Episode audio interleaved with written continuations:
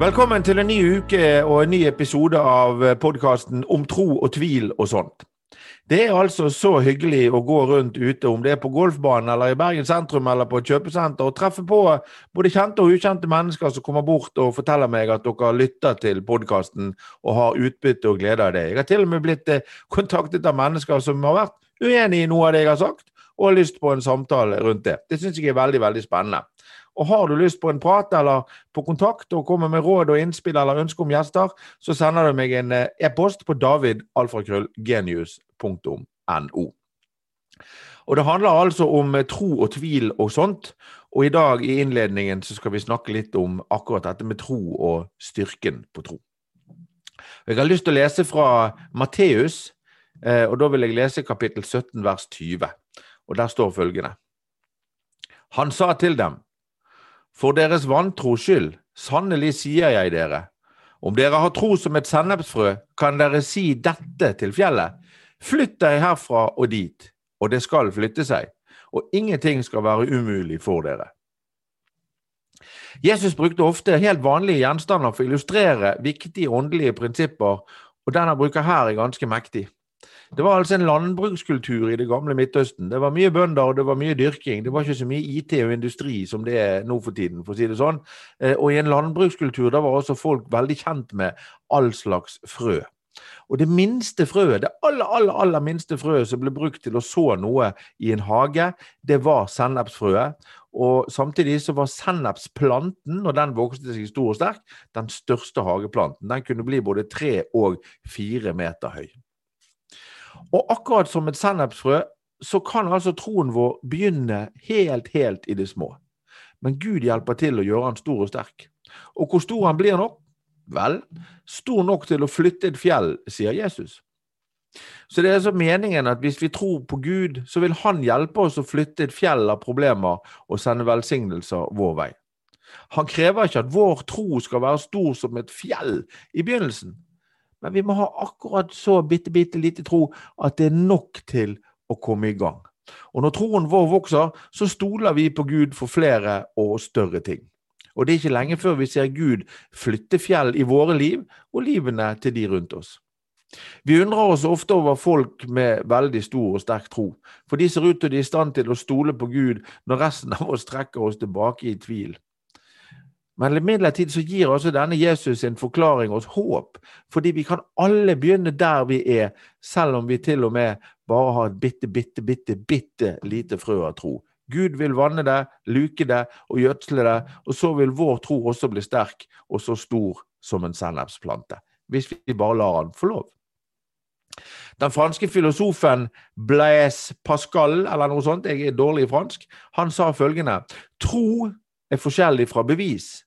For trangen for bevis er menneskelig, men troen, den er en gave fra Gud.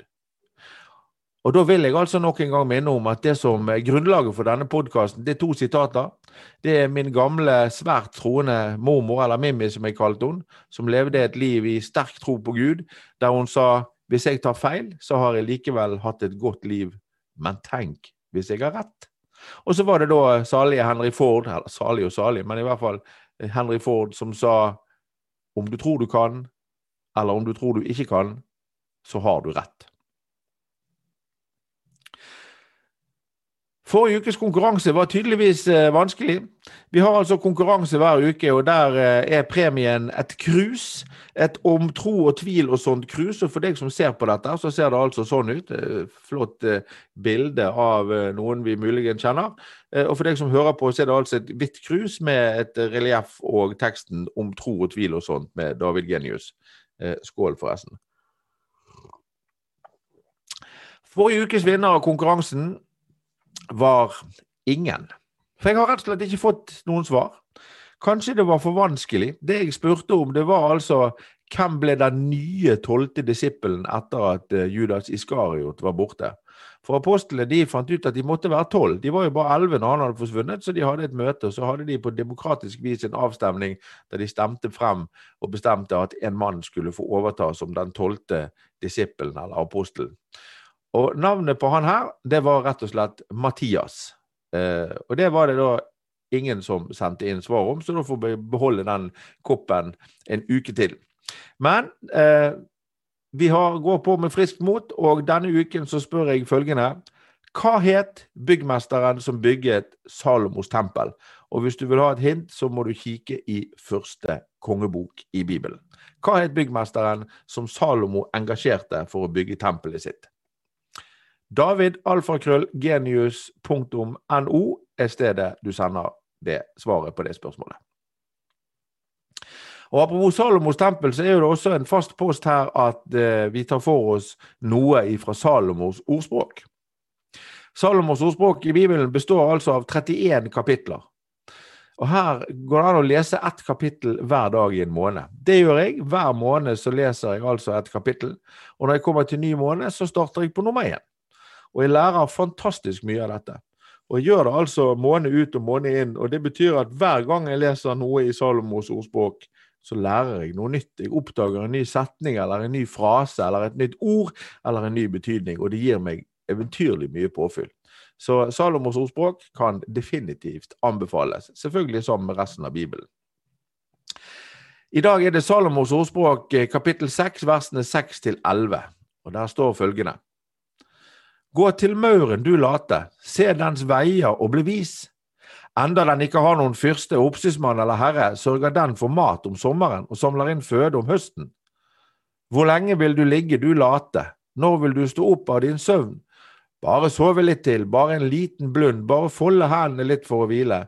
Da kommer armoden over deg som en landstryker, og nøden som en mann med skjold. Det står eh, bak meg her, så står det 'uten handling skjer ingenting'. Og vi må altså alle drives av vår egen motor. Vi kan få hjelp av Gud, men vi må fremdeles ha vår egen motor for å gå fremover. Det er opp til hver og en av oss å gjøre det beste vi kan med det vi har. Gjøre det beste ut av de situasjonene vi havner i, og gjøre det beste ut av de mulighetene vi får. Og vi må ikke vente på at tiden skal være rett, eller at det skal passe.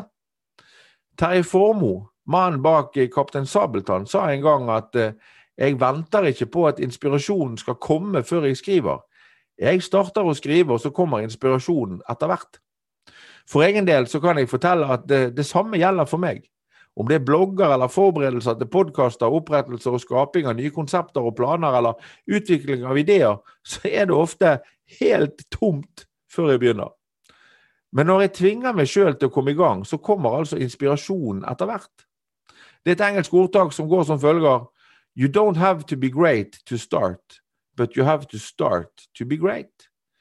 Vær din egen motor. Husk, av ingenting blir ingenting. Og om troen på at du skal få det til, bare er som et sennepsfrø, så er det i hvert fall noe å ta utgangspunkt i og begynne med. Lykke til. Da har vi kommet så langt i sendingen at vi skal presentere ukens gjest. Hun heter Kim Fairchild.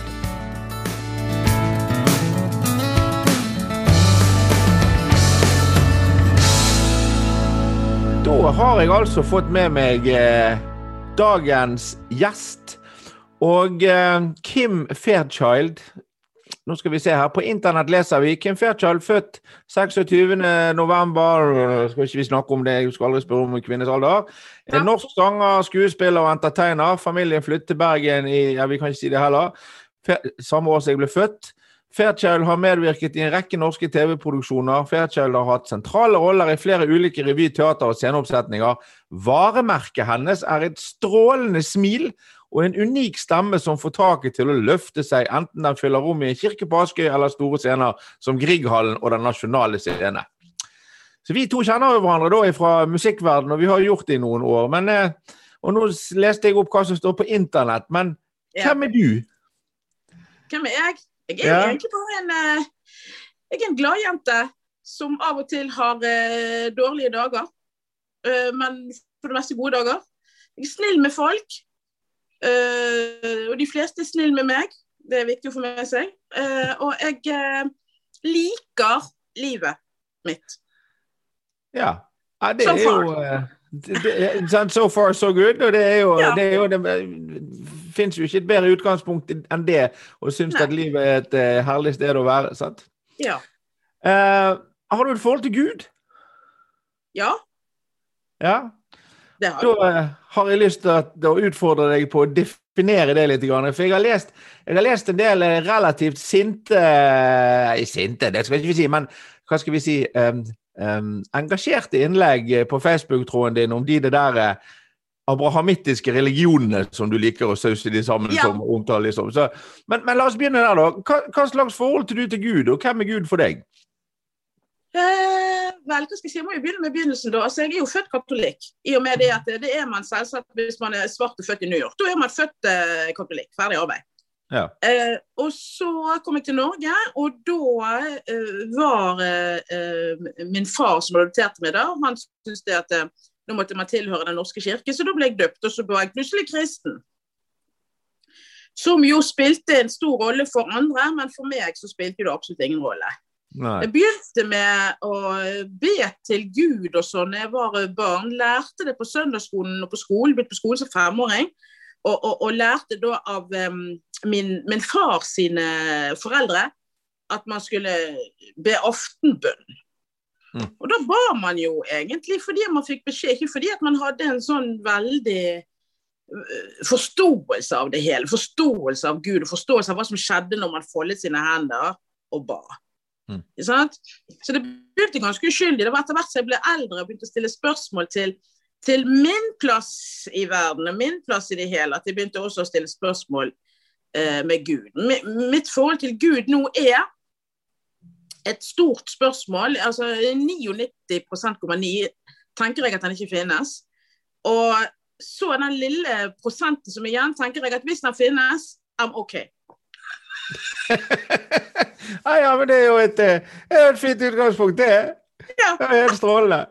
Men, men, hvis han finnes eh, Og hvis du kunne spurt han om noe hvis du, hvis du, plutselig så står du der, og så kommer Gud og sier ja, ja, Kim, hva lurer du på da?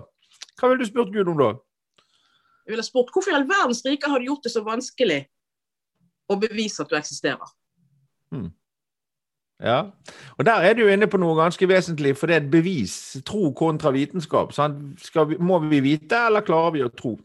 Eh, og, og, Denne podkasten handler jo om tro på mange forskjellige måter, og da bringer det meg over til en annen form for tro, som du jo må ha veldig sterkt i livet ditt, for du har skapt ditt eget liv på dine premisser. Du har skapt mm. din egen jobb, du har skapt din egen karriere, du har skapt, du har skapt Kim. Varemerket Kim. Ja.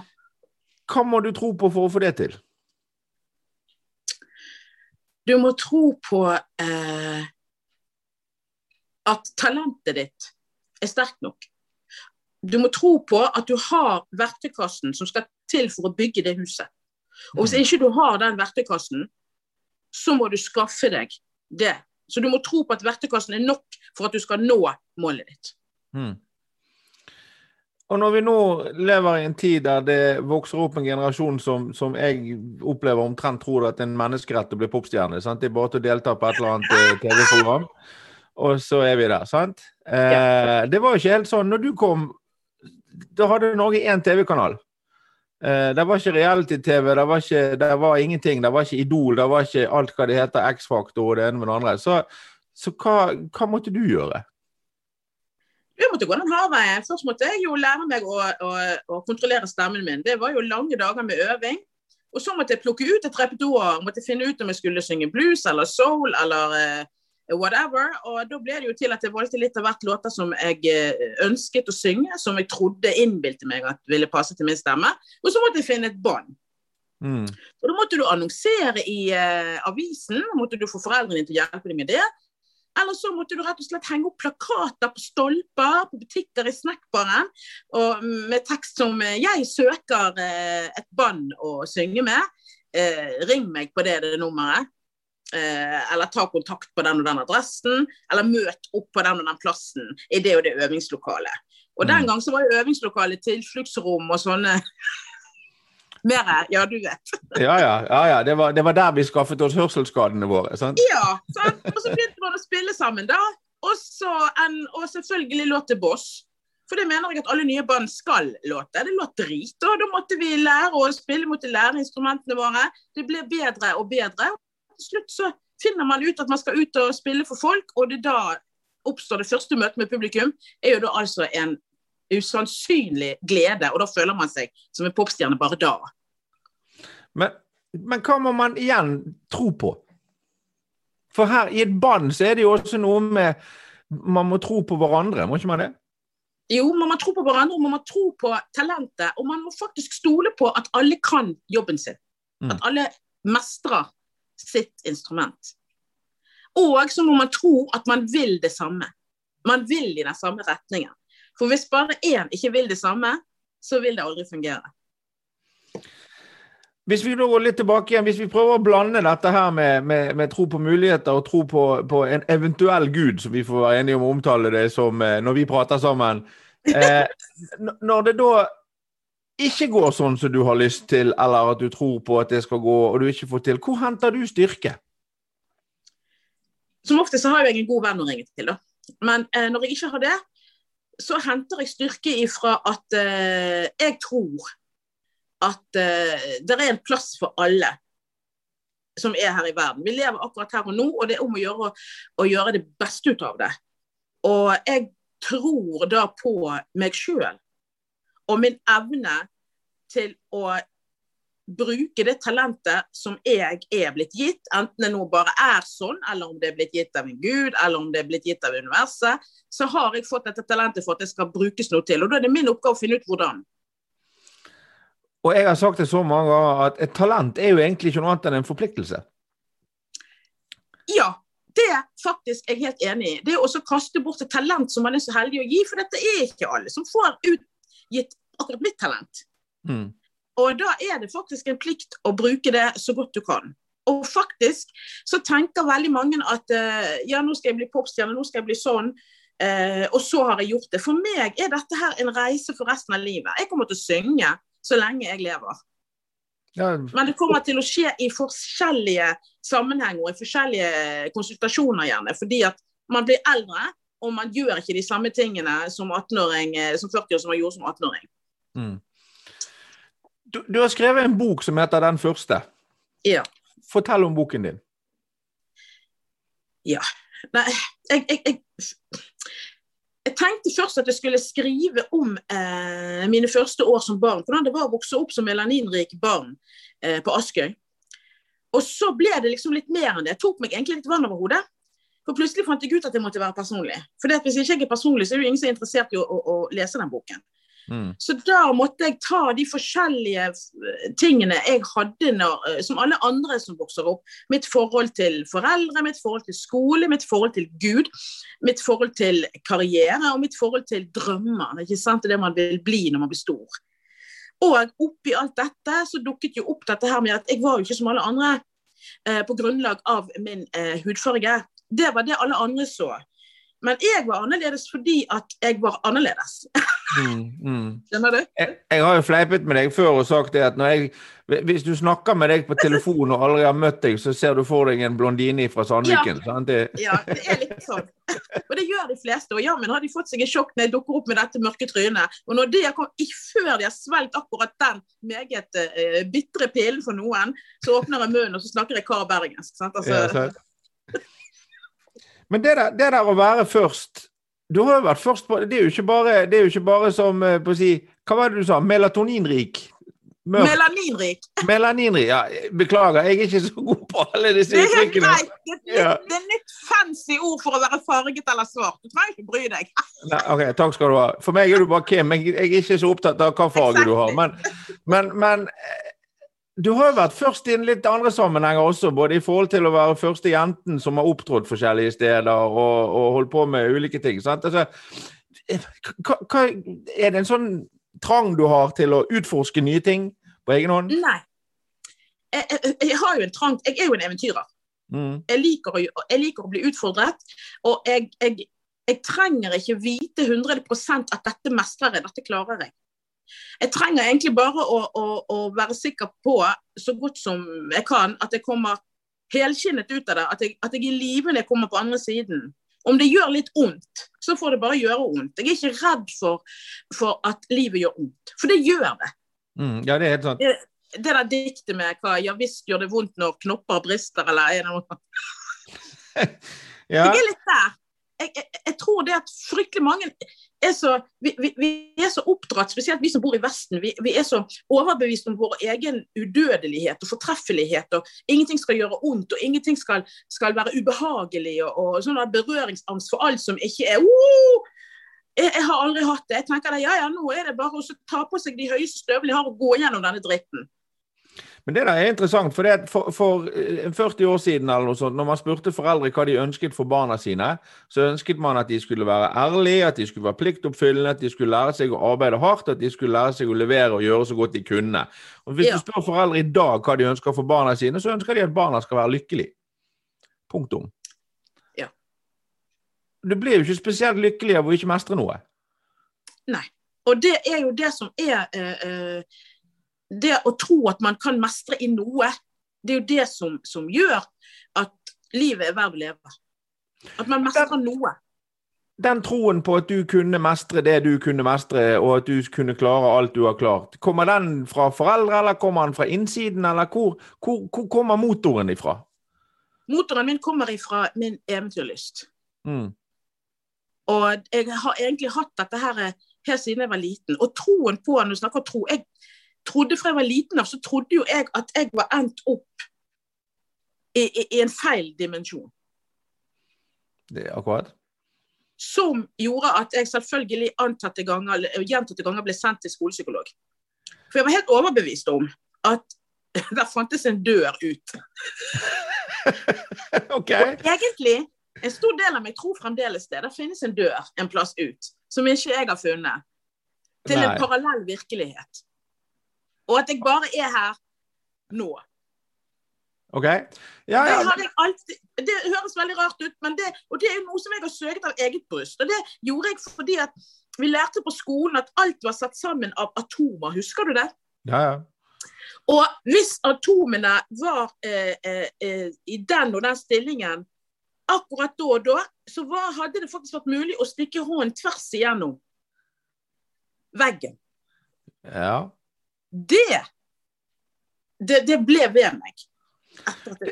Ja. Men det er jo litt morsomt, for, for oss, for oss som da tror på eh, Har valgt å tro på, på den, den, kristne guden og det budskapet, så er jo det, det, du beskriver nå, er jo på mange måter sånn som døden beskrives. Eh, kan være. Sant? I forhold til at da kommer man også over i en ny dimensjon. Og jeg, jeg opplever, For du sa i sted at livet er noe vi har her og nå, og vi lever det nå, og så er det opp til oss å gjøre det beste ut av det. Men og jeg opplever jo, det har jeg sagt i andre sammenhenger òg, vi har streamet masse begravelser de siste året. Og, og i de ja. kristne begravelsene så er det, der er det alltid et element av håp. I de som ikke tror på noe, så er det fryktelig trist, for nå er det ferdig. Eh, ja men, men, den dimensjonen som du beskriver, kan jo også være det som noen tror er himmelen? Det kan være. Og jeg tror det at det er derfor Altså egentlig så har jeg ikke noe sånn ja, jeg er imot Gud og sånn og sånn. Altså fordi at man kan ikke være imot noe man ikke vet hva er for noe, eller kanskje man ikke tror eksisterer. Men altså det som jeg egentlig er imot, er jo egentlig ideen av Eller hva skal jeg si eh, eh, Altså eh, organisert religion. Mm. Ja, og da, det er morsomt, for nå kommer du nok en gang, så nå melder du deg også inn i det som jeg eh, snart begynner å omtale som en klubb av de menneskene som har et relativt negativt forhold til religion. Så er det det menneskeskapte de har et negativt forhold til. Det er mennesker som har misbrukt religionen for å skaffe seg makt, myndighet, og for å komme med pekefingeren først. Er det egentlig litt det samme med deg òg? Ja. Så hvis Faktisk. du kunne gå tilbake igjen til, til hun barnet som ble, var, konverterte fra å være katolikk til å være protestant, eller som du sa, kristen Hvis du rydder vekk alle menneskene som prøver å stille seg imellom deg og Gud, så kan jo det hende at uh, han kunne vært en ålreit fyr å prate med likevel. Det kan være. Altså, jeg Altså, Unnskyld meg, jeg har alltid syntes at Gud har virket litt som en liksom sånn psykopat. Altså, Han fikser alt med å drepe og slashe og øh, litt sånn sinna. Altså, men så ble jo jeg presentert for Jesus. Akkurat. Og om Jesus um, Og Jesus syns jeg øh, fungerte som en veldig kul kar. Mm. Så jeg fikk jo et mye større forhold til Jesus enn til Gud. For Gud oppfattet jeg bare som en sånn der psykopat som ikke var riktig klok. Det, og det, det levde jeg med. Eh, for det at hver gang Jeg leste jo Bibelen ganske tidlig i mm. mine år. Og så visste jeg det at når jeg var sånn rundt 14-15 at kanskje jeg ikke hadde forstått Bibelen riktig. For jeg var faktisk ni første gang jeg begynte å tråle meg gjennom dette vanskelige tok meg månedsvis å komme gjennom alle de sidene. Så gjorde jeg det igjen da jeg var sånn 15-16, leste Bibelen. Og da var det jeg bestemte meg for at vet du hva, dette er ikke for meg. Så faktisk bestemte jeg meg for å la være å tro på Gud etter å ha lest Bibelen. Som jo er litt rart. Ja, og jeg kan være enig i at det er mange historier i Det gamle testamentet som er både, både skumle og stygge og forferdelige. Eh, men så er det, som du sa i sted, så kommer da Jesus. Så kommer budskapet om kjærligheten. Altså, jeg vet ikke, Neste uke så skal jeg snakke med en prest, og jeg har snakket med prester tidligere. Eh, og, og, en av de tingene som, som, jeg tror på, kanskje, det er det at når Jesus kom, så presset Gud på, på the big red reset button. Da hadde han prøvd å Det er litt sånn som å være forelder. sant? Altså, Du har barn sjøl, og du vet at hvis du hele tiden forteller ungene dine at de skal, så blir de bare opprørske og rebelske. Men hvis du pleier barna dine med kjærlighet og gir dem muligheter og lar dem få lov til å sjøl velge å gjøre det rette, så blir det bra. Og jeg tror kanskje at det var den resetten Gud gjorde når Jesus kom. Ja, det er jo interessant. Altså, religion for all del. Altså, religion for meg er uinteressant, men ideen om at det eksisterer en Gud og, en, eh, eh og, og, og Jesus, den er jo interessant, om ikke annet. Mm. Og det er jo fordi at tross alt så er jo Bibelen den mest solgte boken i verden. Ja. Like alltid. Jo, jo, men altså, og det, og det, vet du hva, det er også litt interessant. Hvis du ser noe vekk fra religionen og, og, de negative aspektene og alt med det. Bibelen er den mest solgte boken eh, i verdenshistorien. Fordi at for å, være, for å få utbytte av, spesielt etter reformasjonen osv., men for å få utbytte av troen sin, så må man kunne lese. Mens andre religioner de bare støtter seg på at det er noen sinte vise menn som står og skal fortelle deg at sånn skal du gjøre det. Mens Bibelen, altså den kristne tro, er altså bygget opp på at jeg kan lese i boken på egen hånd. Og så er mitt forhold til Gud det er en sak mellom meg og Gud. Det er ikke noe som skal gå via kirken eller via noe bedreviter eller noen som liksom sitter på fasiten. Jeg skal få lov å lese og tenke sjøl. Ja, og det har jo, det er nettopp det jeg sier. det, det at eh, om, om, kunne, om, det var slik at Jeg har jo møtt et et fåtall mennesker som er gudstroende uten at de tilhører noen religion, og uten at de leser noen skrifter. Selv om de er blitt presentert for Gud i skrifter. For dette er vel fint annen måte, det, det fins vel ikke noen annen måte å bli presentert for Gud for. Ja, det er folk som mener de har snakket med han og sånn og sånn. Men um, uh, jeg hadde jo også et, et, forhold til det da jeg var liten. fordi at når jeg snakket med de som jeg snakket med da jeg var liten, så løy jeg og sa at jeg snakket med Gud, og da fikk jeg være i fred. Det var greit å snakke. Det var greit å høre stemmer fra himmelen, men hørte du andre stemmer? det er fantastisk. Ja, det er herlig. Ja. En annen ting som slo meg nå mens vi prater sammen altså Vi har kjent hverandre i, i, i, mange år, meg og deg. Og nå, etter at du flyttet østover og kom tilbake til byen, så er det altså Det er så lenge siden vi har pratet sammen at min tro og mitt valg om å, om å være en troende og på å si tørre å stå frem som det, det har da skjedd mens du var borte. Ja. Og jeg har vært eh, borte i ti år, liksom. Ja, det er akkurat det. Og, det. og det er på de ti årene på en måte at denne her reisen for meg har skjedd. Men det jeg opplever, det er jo at, at på innsiden har det blitt annerledes, for jeg har funnet et sted å hente styrke ifra. Men forhåpentligvis på utsiden så er det akkurat det samme. Mm. Eh, og, og, min reise har handlet mye om at jeg, jeg er en intens motstander av all slags fordømmelse. Ja. Og det tror jeg vi to har, har veldig til felles. Ja. Eh, men, men, med alt det du har opplevd, som vi var så vidt innom i sted, med å bli behandlet på en viss måte, eller sett på på en viss måte, nettopp fordi at folk kvepper når de ser hudfargen din første gang, hvis mm. ikke de vet om det. Mm. Hva tror du skal til for at vi mennesker kan behandle hverandre mer respektfullt, uansett hvordan vi ser ut, eller hva vi tror på, eller hva lengding vi har? Hvor tror du nøkkelen ligger? Uff da. Her kommer jo det stygge. Du skal ikke være, bare være ærlig, du. Jeg tror at vår generasjon må dø ut. Hvor, altså som, vi som er født på 60-tallet? Ja. ja. Så de, de, som kommer, våre barn, de har større forutsetninger for å behandle hverandre inkluderende? Ja. Jeg sier ikke at jeg har rett, men det er det jeg tror. Hmm. Og som eksempel så vil jeg jo bruke apartheid i Sør-Afrika. Mm, ok. For det her, apartheid har jo vart nå eh, eh, vært, vært eh, avviklet nå i 20 pluss år. Og det tok jo Det var jo ikke sånn at når apartheid opphørte, så sluttet alt rasediskriminering. Så sluttet alt som var vondt for de svarte. Det det resulterte i, det er at det fortsatte en lang stund til. Og så begynte hevnaksjonene fra de svarte til de hvite. Mm.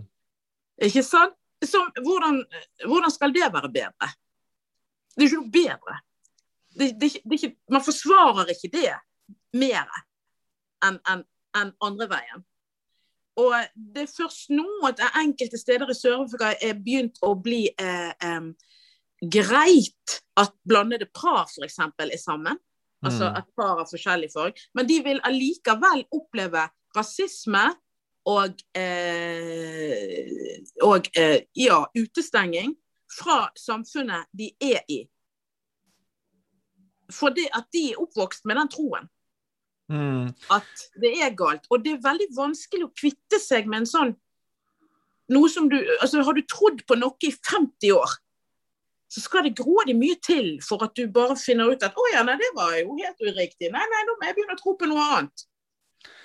Og det er jo litt spennende, for det at akkurat det der med å bestemme seg for å tro, det er jo det som er vanskelig. sant? Mm. Og det handler om det, om det er holdninger, eller om det er fordommer, eller om det er religion, eller hva det er. Det, det, å, det å velge å tro. Å velge å tro at noe er mulig, å velge å tro at alle er likeverdige, å velge å tro at, at Ja. fordommer ikke fins. Altså det, det sitter jo fryktelig langt inne, men det Ja. må uansett det må en bevisst handling til.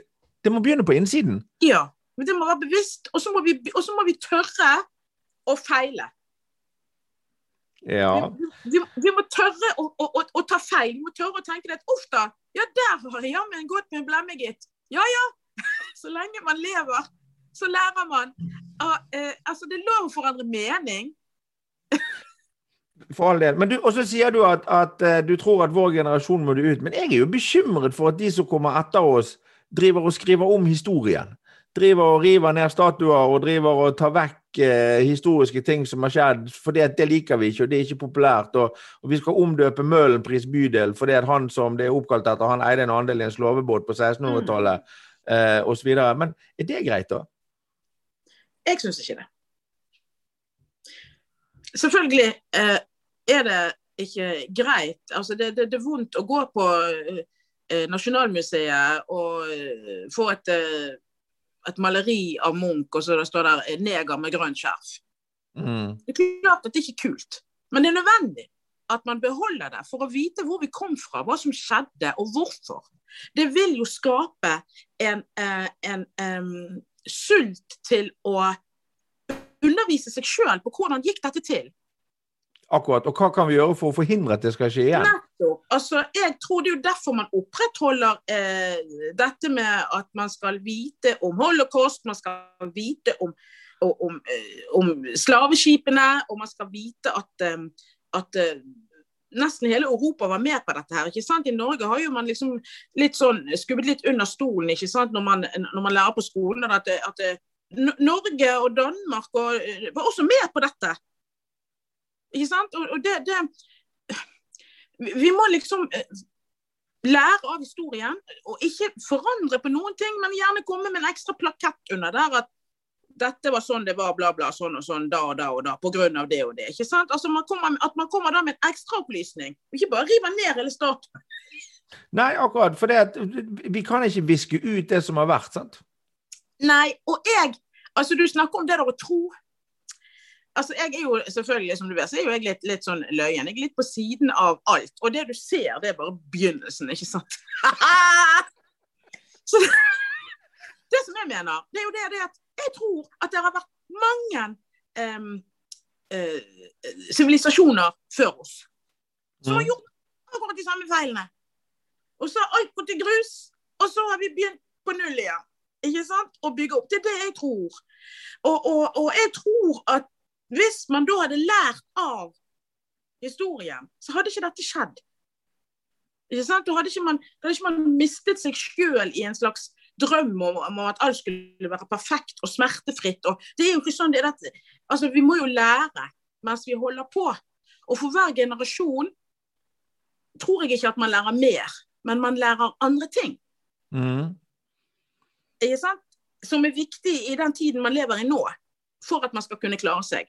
Samtidig, nå, altså nå er det sånn at alle i verden, de fleste i vår verden, i Europa, her som vi lever, vi, vi, vi lever godt, vi spiser, vi, eh, vi koser oss, vi reiser på ferie, vi har hytter og hus og biler og båter. Og, men vi har aldri vært mer ulykkelige. Og da har vi to kanskje to forskjellige tilnærminger til hva skal til for å bli mer lykkelig. For jeg tror jo, og det har jeg opplevd i mitt eget liv òg, når jeg fant noen, noe eller noen, eller hva vi skal omtale det for, som jeg kunne gå til alene med meg sjøl og søke om hjelp, så fikk jeg det. Og da er vi litt tilbake igjen til hvor går du? Jeg går i skogen. Ja, naturen. Du søker til naturen. Jeg søker til naturen. Jeg søker til skogen, jeg klemmer trær, jeg snakker med trær, jeg tar på trær.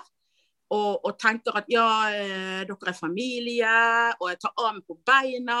Og så kjenner jeg at eh, det er røtter der, og, og, gress og den følelsen. Og den stillheten til å bare sitte og høre på det store ingentinget.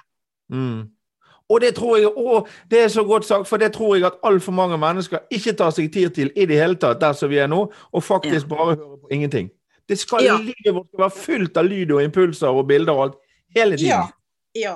Så jeg, jeg, tar meg fri. Jeg tar et uh, I Japan har de til og med funnet liksom fancy ord for det. Skogbad heter det der. Okay. Det er noe som jeg har drevet med siden jeg var liten. Altså, jeg, jeg valgte jo vekk å være med andre barn for å gå i skogen. Mm. Jeg så av, jeg så en snap en dagen av et telt som var slått opp midt ute i ingenting. Da hadde du en sånn runde for deg sjøl? Det er så gøy! Og så er det så gøy! Det er til og med gøy å ikke få det til, skjønner du?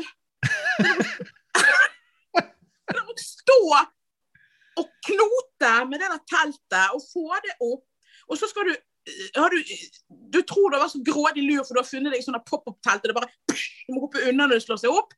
Og så tenker ikke du på at du skal ha dem ned igjen. og det er jo ikke sånn. Du må pakke, og du må brette, og du ligger på alle fire. Og du får sand inn i ørene og inn i munnen, og, og, og, og, du blir sint og irritert, og du svetter. Du, og så får du det til til slutt, og så eller ikke. Det er jo en opplevelse. Jeg er så glad i det der å bare kjenne på at ja, ja, det gikk jo rett til helvete, men det er helt greit. Det er helt greit. Nei, det var, du lever At jeg må klare alt og, og, og være god på alt. Nei, og det, da er det jo i forhold til dette glansbildesamfunnet vi lever i akkurat nå. sant? At det eneste det vi legger ut Ja, men det er jo det. sant? Glansbildesamfunn, ja. ja. Vi, vi, legger bare ut de bildene så vi Vi tar 500 ja. bilder før vi legger ut det ene, sant? Ja. ja. Og det, det, er så trist, at, og det er, derfor, det er derfor jeg skriver en ny bok nå om hverdagen den psykiske hverdagen til alle. Ja. Og, og, det er fordi at vi tenker jo over vi skal være, Alt skal være så alt skal være så strømlinjeformet. Og hvordan kan man lykkes hele livet med det? Det kan man ikke. Nei, det er helt sant. En av de tingene som jeg pleier å si, er at de eneste menneskene som ikke gjør feil, det er de som gjør ingenting. Exactly. Sånn, Og da og, gjør man jo det. Da tar man seg fri, og så sitter man av og til og gjør ingenting. Og det er så deilig med det med at jeg går i skogen, for der er det ingen som dømmer meg. Ingen bryr seg om hvordan jeg går kledd. Jeg trenger ikke være smart. Jeg trenger ikke være flink å synge. Selv om jeg er jo det egentlig hele tiden. Men altså I hvert fall høy tro på egne ferdigheter, men den er jo, ja. den er jo bevist, så det er greit. Ja, ja. Men det er også bare sitte i skogen og gjøre ingenting, og det er ingen forventninger. Og, og, jeg kan slå av telefonen og bare høre på at fuglene kvitrer, og sitte der en stund. Det er det, Sånn overlever jeg de tøffe dagene. Altså, Kim, du er jo kanskje legemiddelgjørelsen av det Henry Ford-sitatet som jeg alltid har med i denne podkasten, som sier om du tror du kan, eller om du tror du ikke kan, så har du rett. Godt sagt! Ja. OK, Kim. Vi kom til, eh, til veis ende i dag. Tusen takk for en uh, kjempegod prat. Dette ja. gjør vi sikkert igjen en gang, og kanskje over en kopp kaffe òg. Det kan bli godt. Takk for meg. Hyggelig. Vi snakkes. Ha det godt. Ha det bra. Da er vi kommet til eh, veis ende for denne gang. Tusen takk til eh, Kim Fairchild som stilte opp og var gjest i dag. Takk til min sønn og nærmeste medarbeider Jon Edvard, som kalles Lillemann, som produserer og har regi på podkasten. Og nok en gang takk til dere som har kommet med innspill og meninger og oppfordringer. Takk til deg som tar deg tid til å lytte til denne podkasten. Og det er altså bare å sende en mail på davidalfrakrøllgenius.no om du har innspill og kommentarer. Er du interessert i mer påfyll, så kan du besøke min webside www.david.genius.no. Der kan du både abonnere på nyhetsbrev og laste ned min gratis e-bok 'Vil du ha bedre dager'. Vi er tilbake neste uke. Da skal vi snakke med presten Jan Bygstad. Og I mellomtiden så ønsker jeg deg gode dager og lyser Herrens velsignelse. Herren velsigne deg og bevare deg. Herren la sitt ansikt lyse over deg og være deg nådig. Herren løfte sitt åsyn på deg og gi deg fred.